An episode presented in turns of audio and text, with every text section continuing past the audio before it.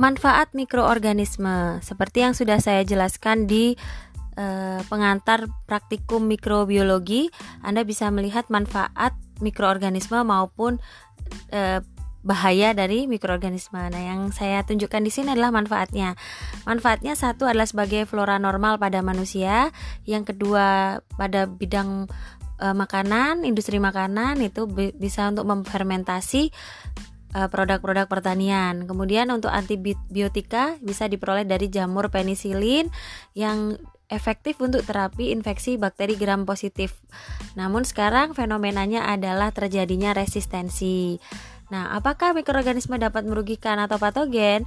Ya, tentu dapat seperti yang pernah Anda pelajari di pengantar praktikum ya. Ada berbagai macam jenis mikroorganisme yang bisa menyebabkan sakit, infeksi.